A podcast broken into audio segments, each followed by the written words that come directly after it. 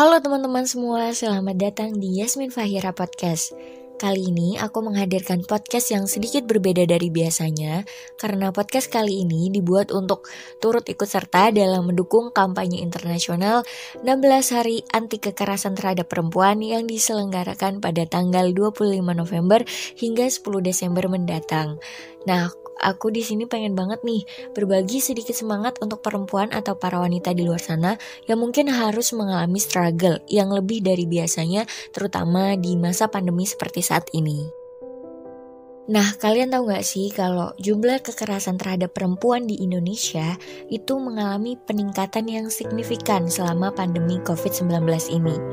Menurut laporan yang tertera di katadata.id, jumlah kekerasan terhadap perempuan mencapai 892 kasus hingga Mei 2020. Padahal di tahun 2019 jumlah kasus kekerasan terhadap perempuan sebanyak 749 kasus terjadi dalam kurun waktu satu tahun. Sedangkan tahun ini kasus kekerasan terhadap perempuan sendiri tercatat sebanyak 892 kasus hanya dalam kurun waktu 5 bulan. Nah, hal ini juga sekaligus menandakan bahwa kekerasan yang terjadi terhadap perempuan baik secara fisik, psikologis, seksual maupun ekonomi sangat riskan terjadi di masa pandemi COVID-19 saat ini. Lalu, apa aja sih sebenarnya yang menjadi faktor atau penyebab meningkatnya kasus kekerasan terhadap perempuan di masa pandemi ini? Singkatnya, di sini aku menyimpulkan adanya dua faktor penyebab, yaitu faktor sosial dan faktor ekonomi. Faktor sosial yang menjadi penyebab ialah bahwa selama diterapkannya PSBB atau kuarantin di masa pandemi ini telah membatasi interaksi atau komunikasi langsung antar sesama.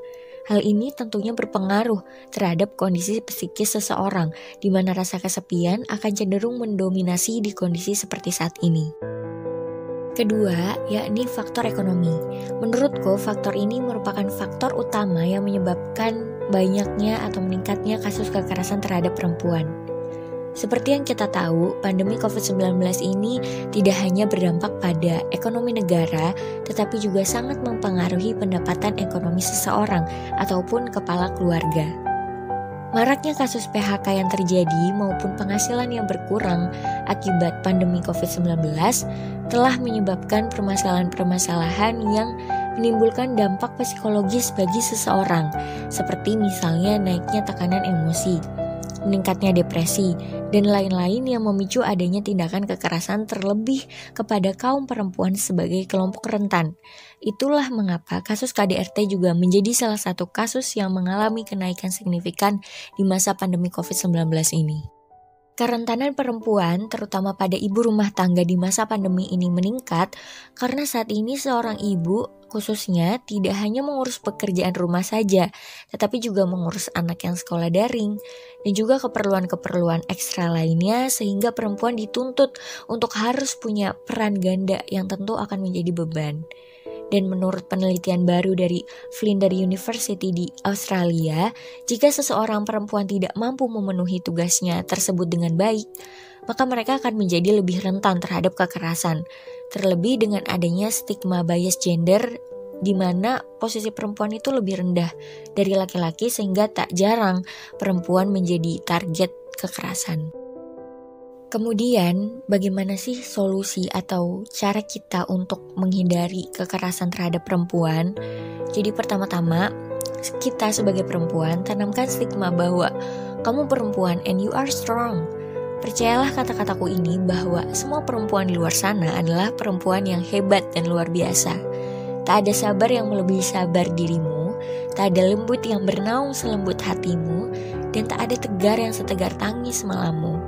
Dan menjadi perempuan itu tidak berarti bahwa kamu harus selalu berlindung di bawah ketiak seseorang. Bear in mind ketika terjadi suatu permasalahan yang menurut kamu akan menimbulkan masalah yang lebih besar, maka cepat cari solusi untuk memecahkan masalah tersebut.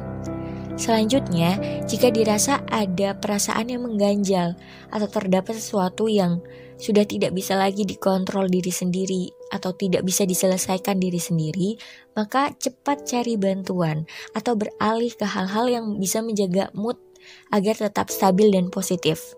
Mungkin bisa dengan bercocok tanam, membaca buku atau majalah inspiratif, jogging di minggu pagi, dan lain sebagainya. Seperti apa yang dikatakan Charlotte Erickson dalam bukunya Everything Changed When I Forgave Myself yang menyebutkan bahwa no one will come riding on white horse and take all your worries away. Tidak ada seseorang yang akan datang dengan menunggangi kuda putih dan mengambil semua kecemasanmu pergi. Jadi sebagai perempuan, menjadi mandiri bukan lagi sebuah pilihan. Di sini juga aku ingin meng-highlight bahwa kita sebagai perempuan jangan lupa untuk selalu mensupport satu sama lain, supporting each other. Sebagai perempuan, terutama anak muda, kita itu harus berani mengambil tindakan terlebih untuk membawa perubahan baik dan dampak positif bagi sekitar. Mungkin kita bisa mengikuti acara, event, atau volunteer yang bertajuk perempuan, mengedukasi diri sendiri tentang bagaimana stigma yang harus dibenahi tentang perempuan, dan juga bahkan membantu atau melaporkan kejadian di sekitarmu mengenai kekerasan dalam rumah tangga maupun kekerasan terhadap perempuan. Because when women support each other, incredible things might happen.